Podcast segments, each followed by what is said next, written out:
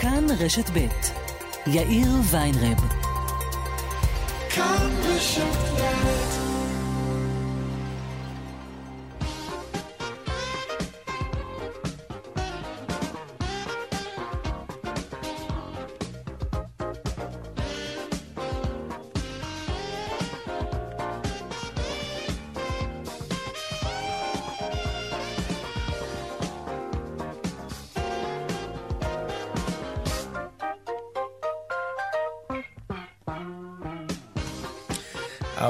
וכמעט שש דקות כאן צבע הכסף ברשת ב', יום ראשון, שלום רב לכם, שבוע טוב. הרבה מאוד גמלאים מדווחים לנו מהבוקר שהם קיבלו אפס שקלים פנסיה החודש הזה. שמענו גם על פנסיונרים שקיבלו שישה שקלים, עשרים שקלים וכל מיני סכומים מצחיקים כאלה. אבל זה לא מצחיק בכלל, זה לא צחוק. מדובר בגמלאים עם פנסיה תקציבית שמטופלים במשרד האוצר, במנהלת הגמלאות. עכשיו הם מספרים שהם מטלפנים למנהלת הגמלאות באוצר עשרות פעמים מהבוקר ועונה להם מענה דיגיטלי כזה. אז הם לוחצים על הכפתורים הנכונים כדי לקבל מענה אנושי, אבל לא. אין אחד כזה, גם לא מענה לא אנושי, וזה עצוב. פנסיונרים שתלויים בהכנסה הזאת, שהם עבדו בשבילה כל חייהם, נתקלים בראשון לחודש בלי הכנסה בכלל. עוד מעט דנה ירקצי, כתבת התחום הכלכלי שלנו, תביא את הסיפור ותסביר מה צריך לעשות כדי שהכסף ייכנס. עוד החודש, כמובן. כאן צבע הכסף, העורך רונן פולק, המפיקס סמדר טלווה, טכנאי השידור שלנו היום הוא דני רוקי. הדועל כסף כרוכית כאן.org.il, אני יאיר ויינרב, מעכשיו עד חמש, אנחנו מיד מתחילים.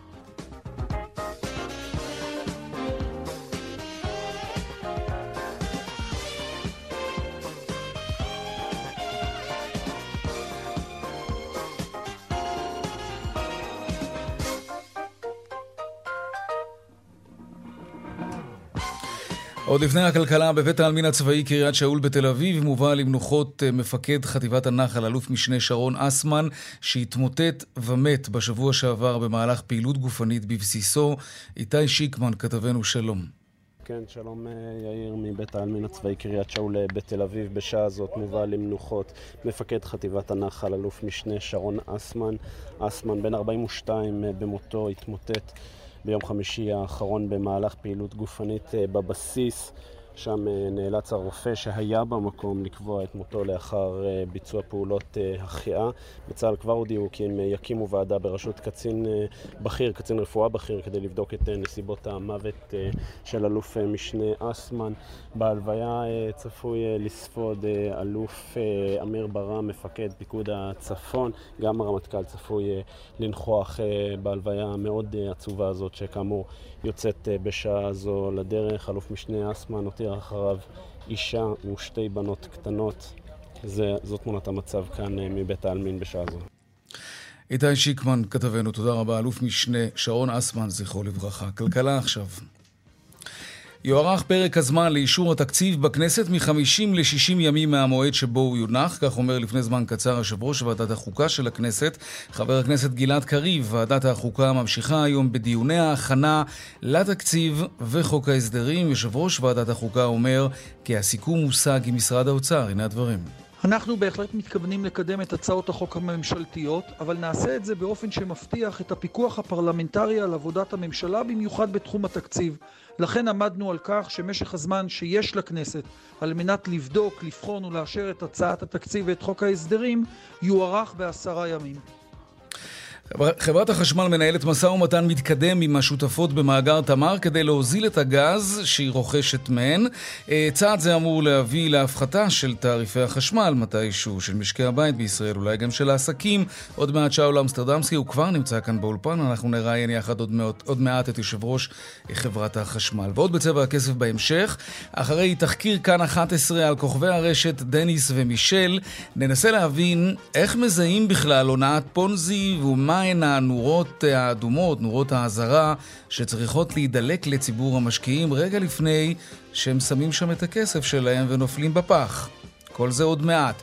ועוד בהמשך נדבר על רפורמת הוואטסאפ של משרד התקשורת, לא עוד מספר 327 בתור.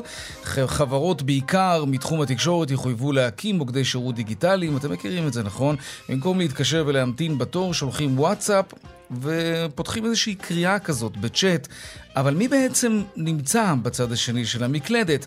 האם זהו בן אנוש או בוט? רובוט כזה, מכונה. נדבר גם על כך. נדבר על רכישת מוצרי אלקטרוניקה, האם אתם רוכשים דרך הנייד באונליין, על הספה ככה בכיף, או שאולי אתם מעדיפים את החנות הפיזית? האם יש פערי מחירים בין החנויות המקוונות לחנויות הפיזיות? והדיווח משוקי הכספים כרגיל לקראת סוף השעה. אלה הכותרות, כאן צבע הכסף. אנחנו מיד ממשיכים.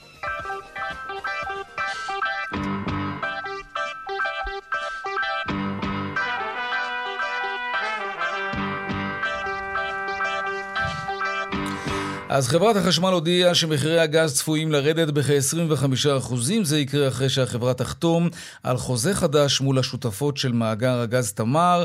מתי אנחנו הציבור נהנה מההוזלה הזאת בעקבות ההסכם הזה, ואם בכלל נהנה ממנה. שלום שאול אמסטרדמסקי, ראש התחום הכלכלי שלנו, ומגיש משחקי הכיס בכאן 11. שלום לך. שלום יאיר. נתחיל קודם כל בסוף. כמה זה צפוי להוזיל את מחירי החשמל, אם בכלל? ממש קצת. קצת? 25 אחוזים, חברת החשמל תשלם 25 אחוזים פחות ואנחנו ממש קצת. היא אפילו תשלם יותר מ-25 אחוז פחות, זאת אומרת, תשלם איזה okay. אוקיי. שליש פחות, זה 30 אחוז פחות, משהו כזה, mm, אבל okay. זה יתורגם בסופו של דבר ל... סדר גודל של אחוז כנראה בתעריף החשמל, שזה אומר שאם אתה משלם 500 שקל בחודש חשמל, זה אומר שאתה תחסוך 5 שקלים, mm-hmm. שגלי גדול זה לא. למה?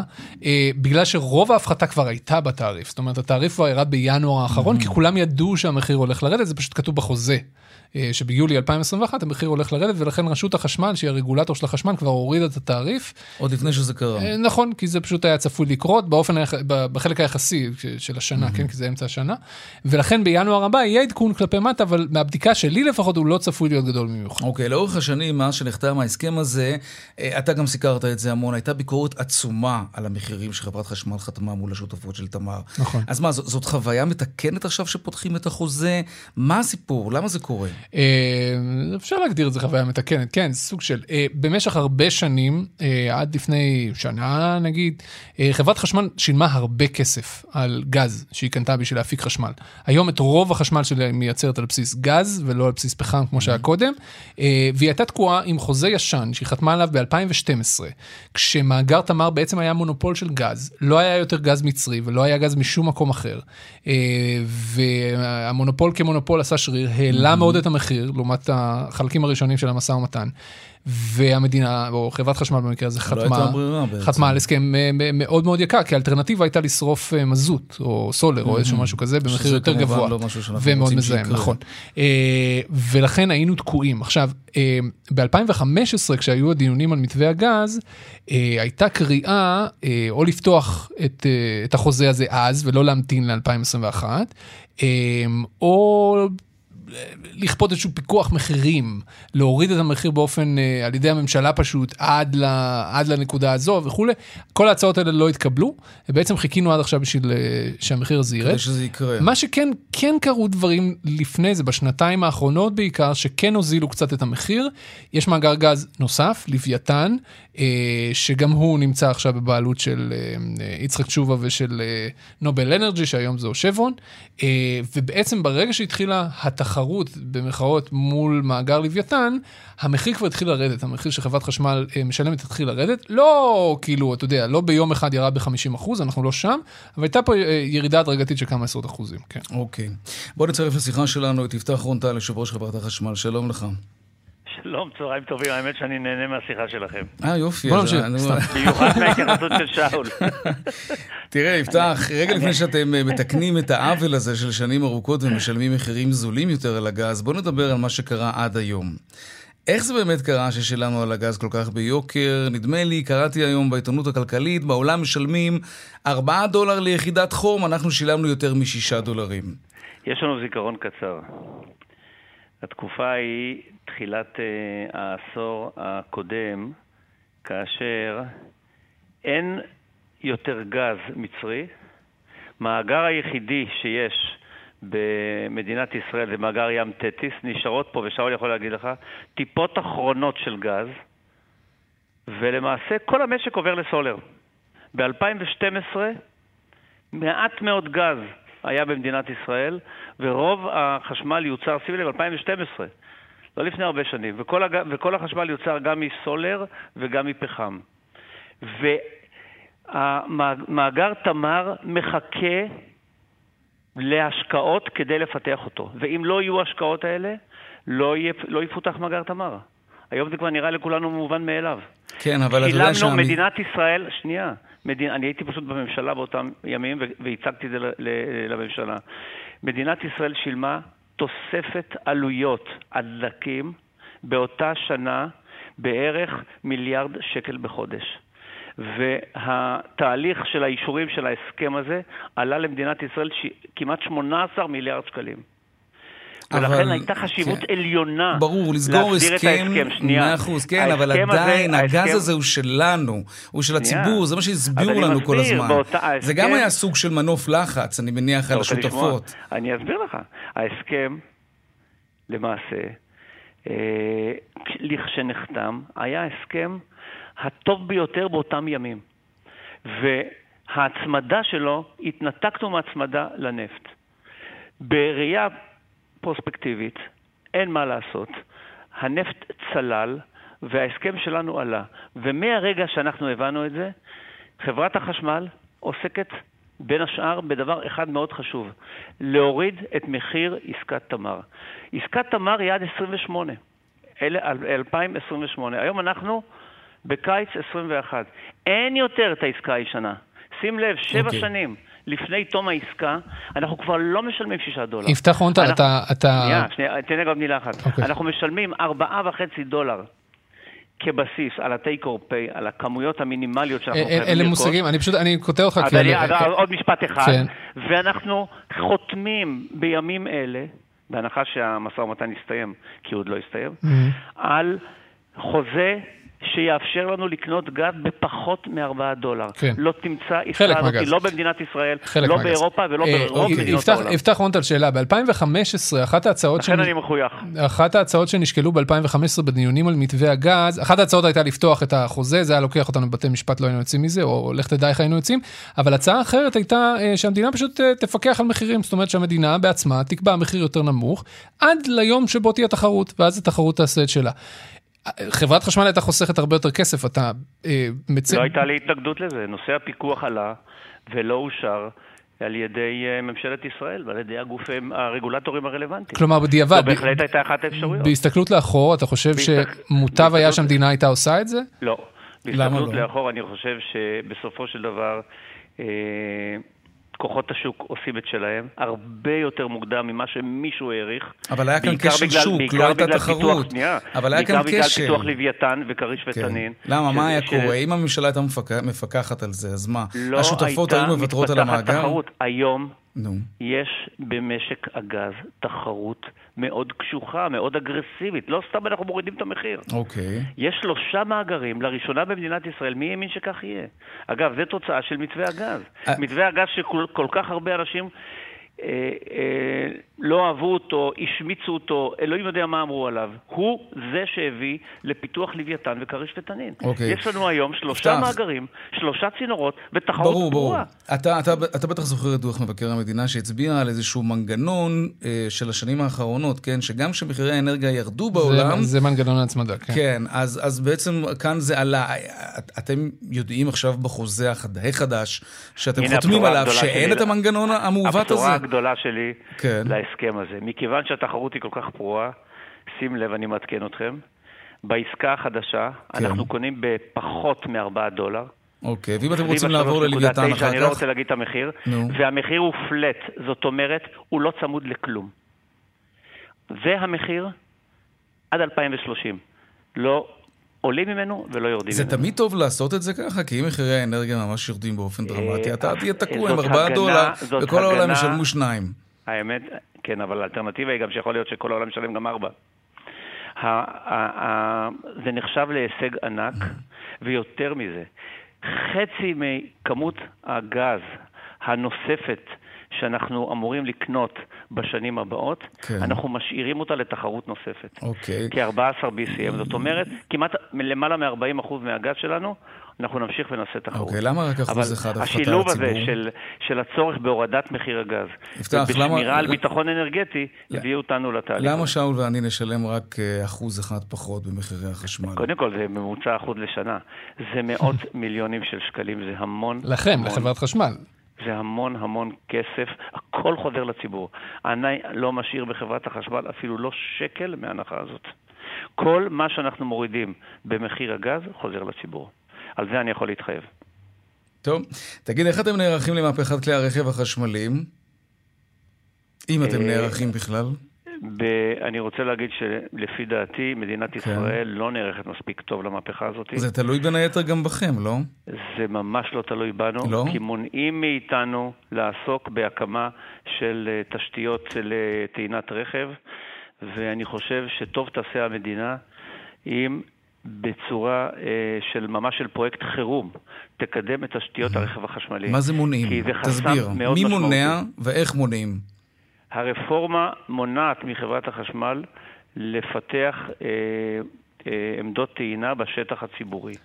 בשטח הפרטי, דרך אגב, הבעיה לא קיימת, כי כל מי שקונה אותו גם כן. מתקינים ליד הבית שלו. נכון. אבל אין שום סיבה שבעולם שבשטח הציבורי במדינת ישראל לא תהיה תשתית שתקודם הרבה יותר מהר מאשר היא מקודמת היום. נגיד רק שהרפורמה מונעת מחברת חשמל להיכנס לתחום הזה, כמו אגב לתחומים אחרים, אנרגיה מתחדשת, דברים מהסוג הזה, פשוט אכן. כי הממשלה לא רוצה שחברת חשמל תהפוך להיות מונופול גם בתחומים האלה. כן, ו- אבל- אבל ולא גם לא אני. מכבד ומקבל את הרפורמה. אני חושב שבסופו של דבר, באיזון בין האינטרסים הלאומיים, צריך להעדיף כאן את האינטרס של פיתוח אוקיי. תשתיות לרכב חשמלי ומהר. יושב ראש חברת החשמל, יפתח רונטל, תודה רבה לך על השיחה הזאת. כל טוב ואחר הצהריים טובים. גם לך. שאול, לפני שאתה הולך, כן. אה, מטבע הדברים מחירי החשמל יוזלו גם למגזר העסקי. נכון. זה אה, זה יתגלגל, אנחנו נוכל לבוא ולדרוש עכשיו מבעלי העסקים והחברות, תורידו מחיר, כי ההוצאות שלכם קטנות. אני לא רוצה להגיד לך סתם, כי אני לא יודע איך נקבע התעריף אה, של המגזר העסקי וזה בנפרד, אבל קח בחשבון אגב, כן. שני דברים. אחד, שיש כל מיני אה, חברות גדולות, ש... גדולות שמזמן התחברו לגז, או סליחה, מזמן התחברו ליצרניות אה, חשמל פרטיות, לתחנות כוח פרטיות, והוזילו לעצמן את המחיר. ודבר שני, מה שהממשלה באמת, סליחה, לא נותנת עליו גז, זה לחבר את התעשייה בהיקף רחב. אה, לגז הטבעי בשביל להוזיל באמת את עלויות האנרגיה, וזה היה מוריד לנו מחירים, זאת אומרת, הם לא צריכים לבוא בטענות למישהו, זה לגמרי לממשלה שממש ממש תקועה עם הסיפור הזה מאחור. וחבל. עם זה ועם וחבל. התחבורה, כמו שאמרת. גם יותר כן, זול, גם פחות מזהם. לגמרי. שאול אמסטרדמסקי, ראש התחום הכלכלי שלנו, מגיש משחקי הכיס בכאן 11, תודה רבה. תודה. אתה מוזמן להאזין לסיפור שמביאה לנו דנה ארקצי על, על פנסיונרים, לא מעט כאלה, אוקיי. שלא קיבלו פנסיה החודש. שלום דנה ארקצי. שלום יאיר. רגע, נפתח לך את המיקרופון. מיקרופון מספר 2. אוקיי, בואי תשבי כאן ליד שלוש. נספר מאוד, בינתיים, הרבה מאוד גמלאים מדווחים לנו מהבוקר שהם קיבלו אפס שקלים פנסיה החודש הזה. שמענו גם על פנסיונרים שקיבלו עשרה שקלים פנסיה, שלושים שקלים פנסיה. זה נשמע מצחיק, אבל לא מצחיק בכלל. דנה, ספרי לנו את הסיפור הזה. שלום יאיר, נכון. אז אלפי אה, גמלאי שירות המדינה לא קיבלו מתחילת החודש את כספי הפנסיה שלהם, או שקיבלו אה, כספים באופן חלקי ומזערי. מנהלת הגמלאות שיושבת תחת משרד האוצר ביצעה ניקוי מס מסיבי לכל אותם אלפי עובדים, בטענה שקיבלו טפסי 101 חלקיים, או עם טעויות, או שלא היה תיאום מס, או שלא שלחו להם, או שכן שלחו להם, ולכן ברגע, ברגע שהגיע הרגע... לב- ניקו להם את המס לכל השנה קדימה. ממש ככה, וגם לא הודיעו להם שהייתה בעיה. והדבר. היותר חמור, שאנשים כן. פשוט לא יודעים אה, מה קרה ל...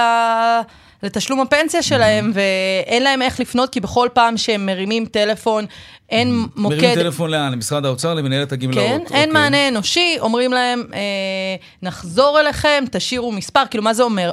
אה, מוקד מחשבי אומר להם שיחזרו אליהם ואף אחד לא חוזר, ונמצא איתנו אה, על הקו יוסי שאביו הוא גמלאי ממכבי האש אה, בהרצליה, והוא פשוט עובד בלי הפסקה כדי לנסות ולהבין מה קרה לכספי הפנסיה של אבא שלו. שלום יוסי. שלום לכם. כן, אז כאמור, אתה בנו של גמלאי כזה שחיכה לפנסיה. הוא נכנס לחשבון הבנק, אני מניח, כמו בכל תחילת חודש, ומה הוא רואה? או לא רואה בעצם. הוא פשוט רואה שום דבר, כלום. הוא חושב שמשהו לא בסדר, וכאדם מבוגר, אה, שואל אותנו שאלות, לנו אין תשובות, אז הוא מנסה גם למחרת, כי זה משבוע שעבר, מתחילת החודש. מחפשים לדעת ולהבין למה. בתלוש אה, של חודש שעבר היה כתוב אה, מי שלא הגיש את הטופס 101, אז החודש יהיה לו מס מרבי. אבל מעבר לכך, אה, כן הגשנו, כמו רבים אחרים. אוקיי. אני באופן אישי מטפל בעניינים של אבא שלי ואני הגשתי. והגשת בזמן, כן, זה גם מה שאמרו לנו אחרים. הגשתי בזמן ובצורות הנדרשות, אם בצורה מקוונת, אם דרך פקס, מייל ובדואר. אוקיי. ולמרות כל זאת, אין עם מי לדבר כדי שיענו לך ש... מה, מה זאת אומרת אין עם מי לדבר? תתאר לנו את, את החוויה שלך לנסות להגיע למשרד האוצר. אתה מתקשר למינהלת, ובמקרה הטוב שהמענה האלקטרוני עונה לך, אז הוא מכוון אותך לאן לגשת, למענה אנושי. רק כשאתה מגיע למענה אנושי, אין מענה אנושי. הוא נותן לך הודעה, הקש אחד ויחזרו אליך. לא אומרים אם תוך 24 שעות, 48 שעות, חודש, חצי שנה. איזה סיפורים דבר. שמעת, יוסי? שמעתי סיפורים מעוד אנשים שלא קיבלו את המשכורת, שמעתי על אלמנת uh, גמלאי שקיבלה חלקית. Uh, זה פשוט אנשים שבענף הזה הם חירפו את נפשם למען הצלת חיים, והם היום כאילו עובדי עצות. אמרת אין, שאבא שלך הולך פעמיים ביום לבנק כדי כן, להבין אם משהו נכנס. הוא הולך פעמיים ביום לבנק, והוא לחוץ קטסטרופה. הוא לא מבין מה קורה, הוא לא מבין למה, הוא אין לו תשובות, ואני מנסה לעזור, אבל גם אין לי כתובת שעונה. כן. זאת סיטואציה אה, בלתי נתפסת. אה, צריך לומר, טעויות קורות, זה יכול לקרות, אבל כאן צריך לשאול באמת, דנה, על איזה היקפים אנחנו מדברים? אז קודם כל, מדברים על אלפי, אלפי גמלאים, כן, מדברים על אלפי אה, אה, אנשים. באוצר מנסים להתמודד ולהשתלט על הבעיה הזאת, אה, אבל הבעיה, שוב, היותר חמורה, שאין מענה אנושי שיכול להסביר לאנשים מה קרה להם בכלל, או אנשים לא, חוש... לא יודעים אם אה, משהו ישתנה, האם אה, לחכות למחר או לא לחכות למחר, וזאת לדעתי הבעיה. הבעיה. באוצר אומרים שמחר תועבר מקדמה בשיעור של 75% מסכום oh. קצבת הנטו של חודש מאי, mm-hmm. ובמקביל יש למלא טופס 101 או תיאום מס, וכמו ששמעת, יוסי אומר, אני מילאתי בשביל אבא שלי, אה, ושלחתי בכל הדרכים האפשריות, ועדיין לא קיבלתי, אה, אז אה, זאת הבעיה, ולגמלאים שיש הכנסה נוספת אומרים לנו, לפנות לרשות המיסים לתיאום מס. דנה ארקצי, כתבת התחום הכלכלי שלנו, תודה רבה. תודה רבה גם לך, יוסי. ואנחנו מקווים רבה. כמובן שהעניין ייפתר במהרה. אנחנו בכל מקרה ממשיכים לעקוב אחרי זה. תודה רבה. תודה. להתראות. תודה, דנה. טוב, לעניין הבא שלנו, בעקבות uh, התחקיר של כתבנו דניאל אלעזר על כוכבי הרשת, דניס ומישל, על מיליונים שנעלמו וצעירים ש- שאיבדו את כל הכסף שלהם, אנחנו רוצים לעסוק בשאלה שצריכה להטריד כל מי שיש לו קצת או הרבה כסף פנוי ומחפש פשוט איפה להשקיע אותו. שלום רואה החשבון שי מדינה, שותף אה, ביקורת חקירתית בפאן קנה ניהול בקרה, שלום לך. שלום לך, צהריים טובים. בוא נשמע קודם כל, ברשותך, קטע קצר מהתחקיר הזה של דניאל אלעזר, כפי שהוא שודר אצלנו בחדשות הערב בכאן 11. אנחנו הפכנו כאן, ואני גאה להגיד, ים של אנשים למיליונרים. אם בן אדם מרוויח 80 אלף שקל כל חודש פסיבי והקמפיינים שלו שהוא רכש ב-100 שקל היום שווים 2,000 שקל כמעט. זאת אומרת שמי ששם מיליון שקל, החזיר מיליון שקל אחרי שמונה חודשים. מראים הצלחה של 100%, לא קיים בשום חברה. השקעתי אצלם סכום של 45 אה, אלף אה, שקל פחות או יותר. איפה תעשה תשואה יותר של 500% בשלושה חודשים? כן, טוב. אה, אה, זה הסממן הראשון להונאות מסוג כזה. מה זה הסממן הראשון? כי תמיד יש את העצות האלה שלא ללכת שבי אחרי ידוענים מפורסמים, כי הם מסוגלים לעוור גם עיני חכמים. ואחרי שאמרנו את זה... זה השני, דרך אגב. זה השני. אז זה החוק השני. זה השני. הראשון זה התשואות ה... התשואות הבלתי נתפסות האלה, 500 כן, אחוז. אין דבר כן. כזה. אין דבר כזה אה, בהשקעות רגילות. אם זה בעולם הפיננסים, ואם זה אה, אה, גם ב, אם אתה משקיע בכל מוצר אחר, אה, השקעות בצורה כל כך קיצונית, באופן חיובי, לכאורה, כן? כן.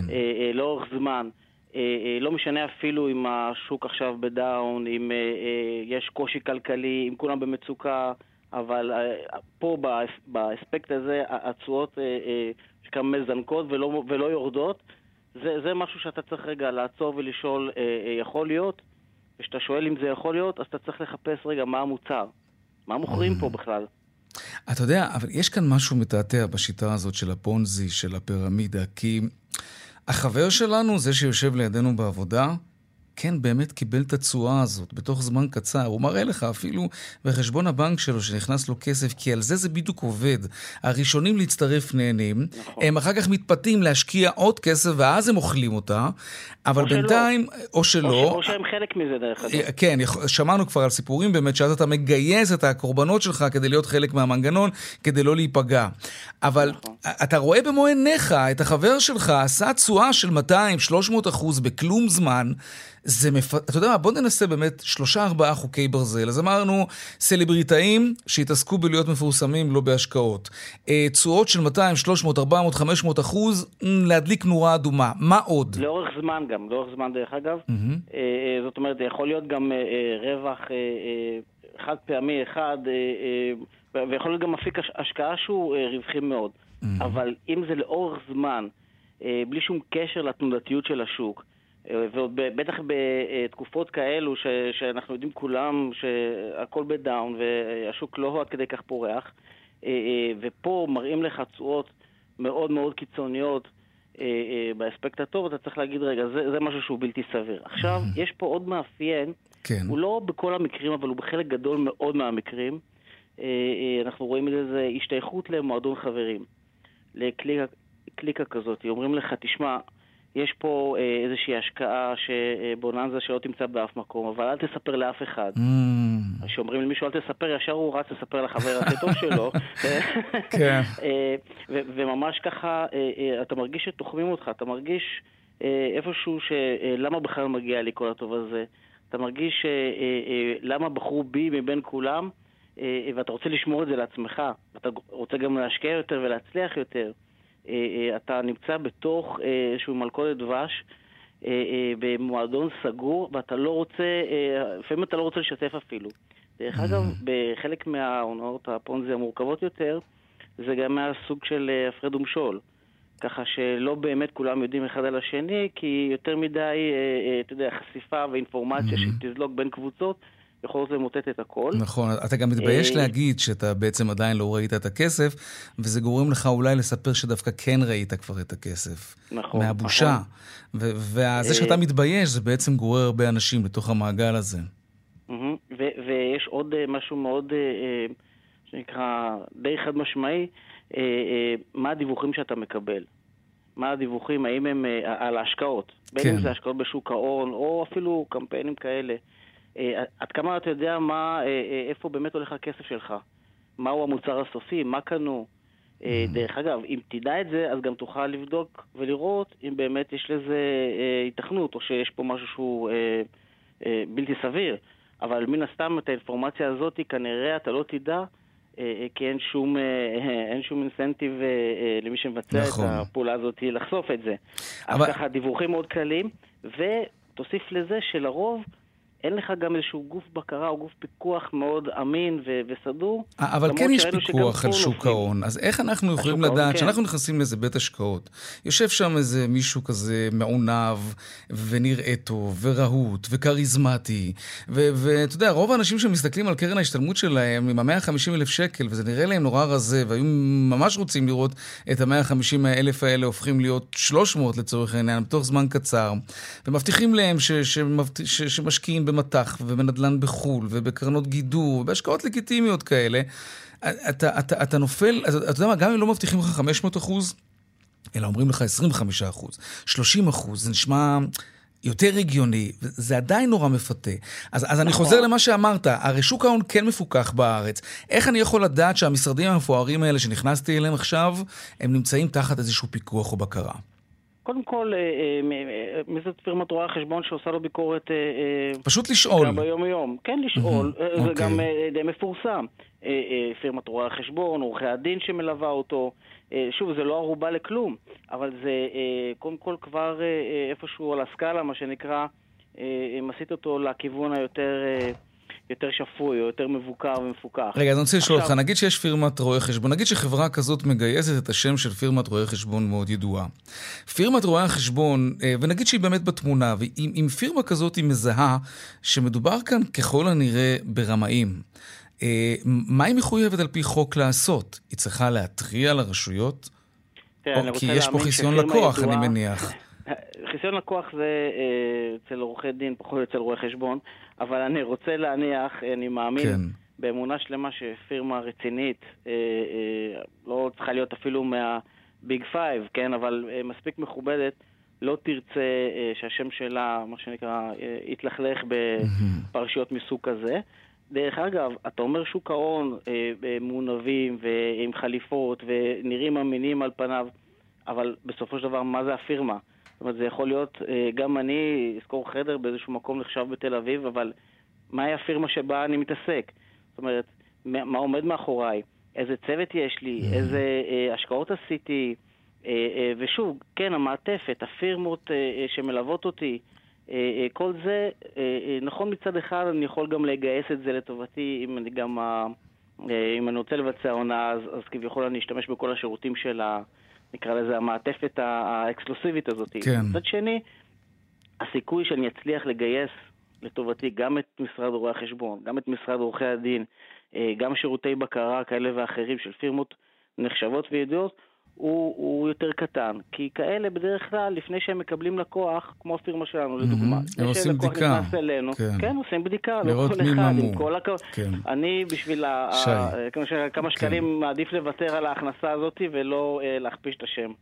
רואה החשבון שי מדינה, שותף uh, ביקורת חקירתית בפאן קנה, ניהול בקרה. תודה רבה לך. לא להסתנוור, זה, זה בעצם uh, חוק החוקים, כן. נכון. תודה רבה לך. להתראות. להתראות. דיווחי תנועה עכשיו.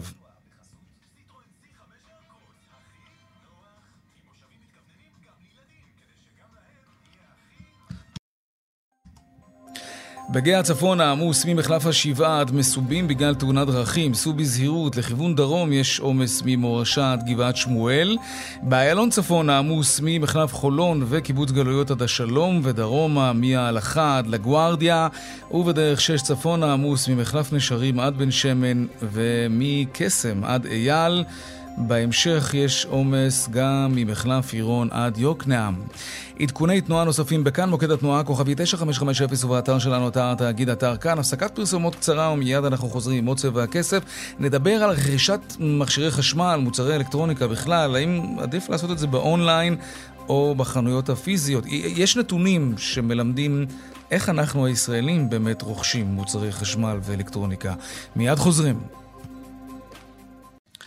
ארבע ועוד אה, ארבעים דקות. עכשיו נדבר על רכישת מוצרי חשמל באינטרנט. מתברר שישראלים בטירוף על האונליין, אה, מתברר, אנחנו יודעים את זה הרי, אבל מוצרי חשמל הם לא אוהבים לקנות באופן הזה. רק עשרה אחוזים מהמוצרים האלה, חשמל ואלקטרוניקה, נרכשים בחנויות מקוונות, כל היתר בחנויות פיזיות. למה?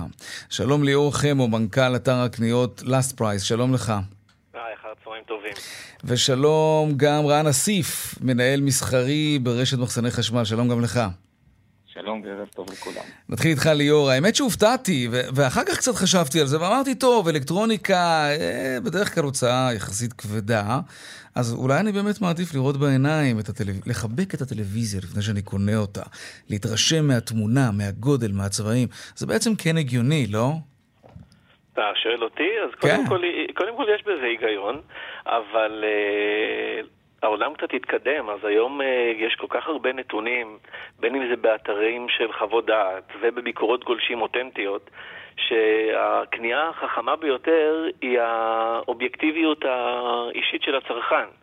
ולא איזושהי המלצה בהכרח של איזשהו נציג מכירות ברשת כזאת או אחרת, או חנות, גם לנו יש חנויות, אה, ש, שתמיד אה, יכולה להיות גם מלווה באיזשהם אינטרסים. Mm-hmm. אז אה, אני מאוד מאמין שהיום למידע יש כוח, אנחנו רואים את זה בהמון המון המון תחומים, ולחוות דעת, בין אם הם בארץ, בין אם הם בחו"ל, בין אם זה באתרי השוואות מחירים, יש כוח עצום בהחלטה של הצרכן הסופי. וחלק מושכל בקנייה היום הוא בעצם העניין הזה.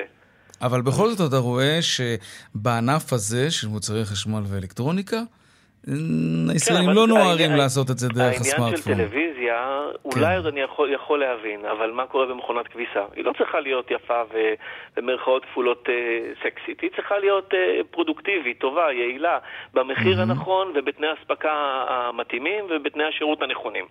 אז אם כל התנאים האלה מתקיימים, בשביל מה בן אדם צריך להטריח את עצמו אה, ולגשת לאיזושהי חנות. אני מאמין באונליין, אני מאמין גדול באונליין mm-hmm. כבר 20 שנה. אה, ועובדה שהמגמה כן קורית. המגמה קורית... כן, המגמה כן. אנחנו מנסים לנתח אותה ולהבין למה למוצרי חשמל ואלקטרוניקה זה קצת uh, ככה מתעכב. רן אסיף, מנהל מסחרי רשת uh, מחסני חשמל, איך הצלחתם לפחות בינתיים, כן, להינצל מציפורני האונליין? סליחה על הביטוי. קודם כל, קודם כל אני יכול להגיד שהאונליין שלנו התפתח מאוד, והיום הוא מהווה בערך 13% מהמחזור, שזה כן. למעלה מ-200 מיליון. אבל אבל יש אבל גדול. למרות הגידול ב- ב- באונליין, עדיין אנחנו באופליין מוכרים את רוב המכירות, mm-hmm. בערך 90% מהמכירות. ולמה זה? למה? כי בסוף היום, בן אדם שדיברנו על טלוויזיה, רוצה לראות את ההבדלים בין הטלוויזיות, בין 4K, בין ננוסל, אבל אפשר, אפשר לראות את זה במסך של המחשב, אפשר, לא? אי אפשר ממש, אי אפשר לא? לראות את זה. אפשר, אפשר באמת לעשות השוואות מחירים, אפשר לקבל הרבה מידע לפני שהם מגיעים, אבל בסוף היום יש חוויה, חוויה שבן אדם מגיע ומרגיש את המוצר. יש אנשי מכירות שיכולים לכוון ולהראות לו את ההבדלים, שקשה מאוד להראות את ההבדלים באמת מול המסך. תגיד, אבל אתם בחזון שלכם לא הייתם רוצים לראות פחות נדל"ן, פחות הוצאות שכרוכות בלפתוח חנות פיזית ולמכור יותר באונליין? זה נראה לי win win situation. זה גם פחות הוצאות לכם, אז אולי גם אפשר לגלגל את, ה, את הפחות הוצאות האלה, כלומר את ההוזלות לציבור. זה הצליח בענפים אומר, אחרים.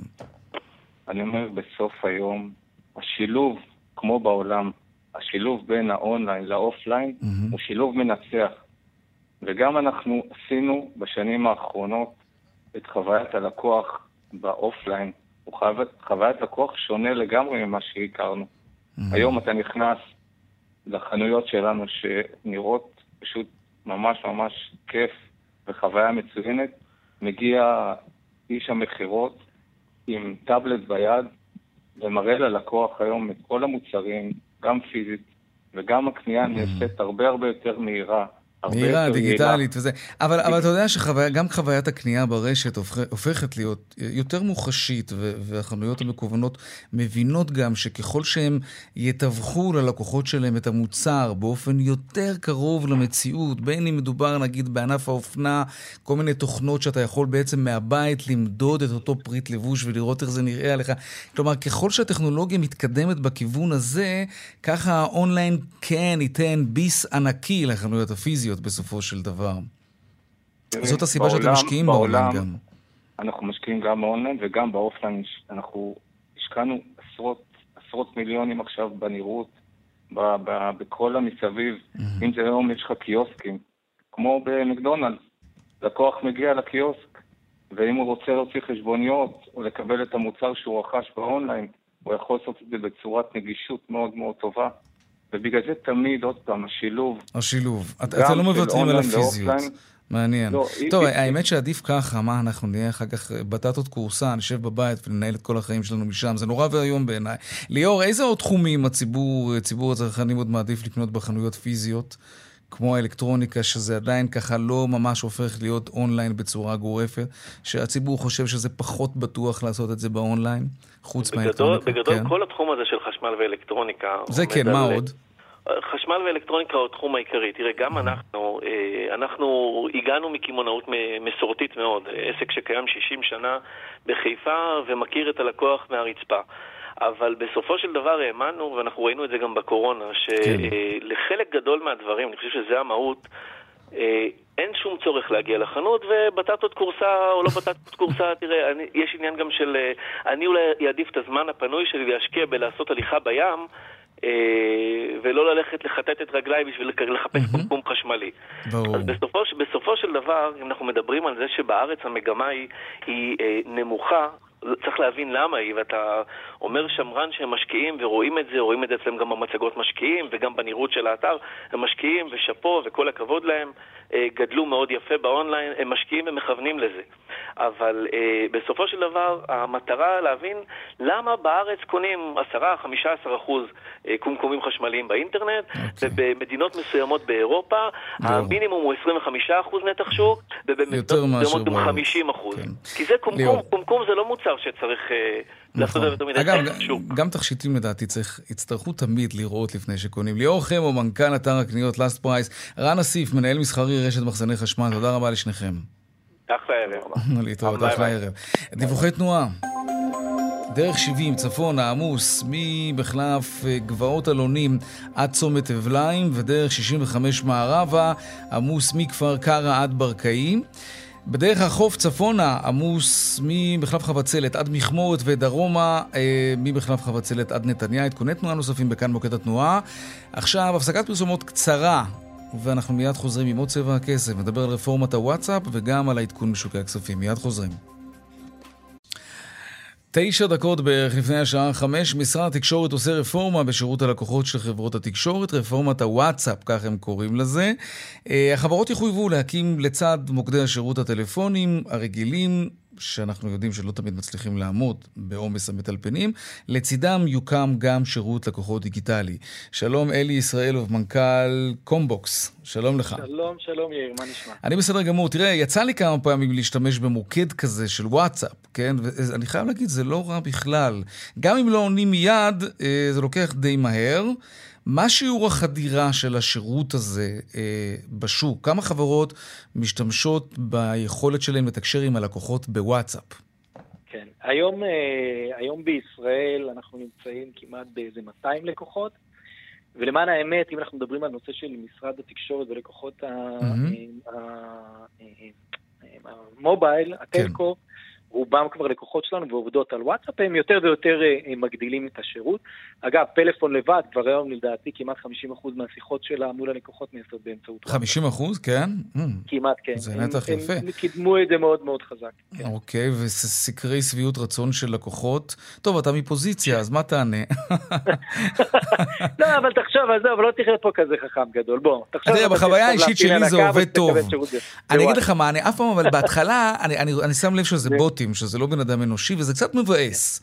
אז בוא, אז בוא אני אתן לך, תראה, קודם כל, כל קומבוס, כל הרעיון של קומבוקס זה לאפשר לארגונים גדולים בעיקר, לאפשר לתק, לתקשר עם הלקוחות בדרך של לקוחות רגילים, רגילים בוואטסאפ, mm-hmm. ידברו בוואטסאפ, רגילים, אני לא יודע, בפייסבוק, במסנג'ר, ידברו במסנג'ר. נכון, גם זה זה מרכז את כל הפניות למקום אחד, mm-hmm. אבל כל היופי שאנחנו פתרנו בקומבוקס, שיש בוט שעונה בכל הערוצים, אבל הוא תמיד supervised by human. מה זה אומר? אם לא קיבלת שירות טוב, במהלך השיחה, ביקשת משהו נגיד מפלאפון, אני רוצה לדעת uh, מה החשבונית האחרונה שלי, הבוט לא ענה לך כמו שצריך, טראח, נכנס, uh, באותה שיחה, נכנס uh, uh, uh, נציג לשיחה וממשיך את השיחה. ככה שהבוטים זה לא כמו של פעם. בוט עובד לבד וזה הבוטים, לפחות הבוטים ש, שקשורים לקומבוקס, הבוטים תמיד עובדים עם נציגים. ברגע שהבוט לא מצליח לפתור את הבעיה, מיד זה עובר לנציג, וזה ככה לא פוגע בחוויית השירות. טוב, גם צריך להגיד שהכל בעצם, נאמר שאתה כן מדבר בסופו של דבר עם נציג שירות אה, אנושי. אז כן. הכל מתועד, אפשר כמובן לשמור את זה, ויש לזה גם את היתרונות האלה, שזה... תגיד, נציג שירות אה, אנושי, בכמה לקוחות הוא מטפל במקביל? יכול לטפל במקביל. בדרך כלל נציג שירות ככה, נציג שירות בערוצים דיגיטליים בוואטסאפ יכול לטפל בין פי שתיים לפי חמש מנציג טלפוני, תלוי בגודל החברה. Mm-hmm. ככל שהחברה יותר קטנה, אז הוא יכול לטפל ביותר זה. ככל שהחברה יותר גדולה והתהליכים יותר מורכבים, אז הוא פחות, בפחות, אבל בדרך כלל זה יהיה בפי שתיים לפחות, פי שתיים, פי שלוש. טוב, אתה בטח יודעים לזה... אני אתן לך דוגמה למשל, כן. בחברות telco, נציג אנושי מטפל ב-60 פניות במשמרת. 60 פניות. בקומבוקס יכול לטפל ב-120. רגע, ונציג במשמרת אה, של, של טלפונים? בטלפונים הוא מטפל בסביבות 60. לא, אבל בטל... אה, לא, אתה מדבר על, על וואטסאפ. נציג טלפונים, נציג שעונה לטלפון. אה, אוקיי, 60... מטפל ב-60. וכמה... לפחות ב-120. 120, אה, זה כפול. לפחות. טוב, את, אתם כמובן ערים לזה שתוחלת החיים עולה, ויש כאן אה, אוכלוסייה מבוגרת מאוד בישראל, בכלל בכל העולם המערבי. אה, כן. בגלל שתוחלת החיים עולה. אה, לא, יש איזשהו חתך גיל מסוים שזה כבר לא עובד. אנשים נרתעים מהדבר הזה. אז קודם כל, כמובן, ש... אבל קודם כל כמובן שיש backup טלפוני, זה דבר אחד. דבר שיכול להגיד לך, אבא שלי בן 86 מדבר בוואטסאפ. אה, אה, דבר שלישי, תראה, מה שחשוב הוא באמת, וגם בגלל זה גם קומבוקס קמה, בינינו היום מתוך כל עשר אינטראקציות שבני אדם היום עושים, שמונה מהם בדיגיטל. אין סיבה באמת שתתקשר לארגון. אם ככה אתה מדבר עם חברים שלך, למה שתתקשר? זה כל הרעיון. עכשיו, ארגונים עד היום לא יכלו לעשות את זה, והיום, באמצעות קומבוקס, זה מאפשר להם לעשות את זה, כי אני צריך לקבל את הפנייה, צריך לנתח אותה, צריך להעביר לנציג הנכון, צריך להפעיל בוטים. דרך אגב, בוואטסאפ אנחנו כן. החברה הישראלית היחידה של שותפה רשמית של וואטסאפ, אז כלומר אני ממש מחובר לקרביים של וואטסאפ ואני מקבל את כל המידע, ויודע להעביר לארגון. אלי. אלי ישראלוב, מנכ"ל קומבוקס, תודה רבה לך על השיחה, תם זמננו, להתראות, ערב טוב. תודה רבה, יאללה. עכשיו לדיווח משוקי הכספים, שלום רונן מנחם, כלכלן ראשי בנק מזרחי טפחות. שלום יאיר, מה שלומך? בסדר גמור, איך נפתח שבוע המסחר? אז הבורסה פתחה את השבוע במגמה חיובית קלה עם רוח גבית של שוקי חו"ל ומניות דואליות. תל אביב 35 עלה 7 מאיות, תל אביב 90 עלה 24 מאיות. בלטו לטובה חברות הביטוח, עליות נאות היו גם לחברות הבנייה וגם לחברות הדואליות כמו נייס, פריגו, ספיאנס, ICL ואופקו שעלו בין 9 עשיריות ל-2% ו-4 עשיריות. מנגד מניות הנפט והגז איבדו כתשע עשיריות. בשוק איגרות החוב הייתה נטייה לעליות אה, קלות, גם צמוד וגם בלא צמוד. ולסיום כהרגלנו, שער חליפין שקל דולר מיום שישי, שלושה שקלים, עשרים ושבע אגורות ושלוש עשיריות. ערב טוב. ערב טוב גם לך, רונן מנחם, כלכלן ראשי, בנק מזרחי טפחות. תודה רבה לך על הסקירה הזאת.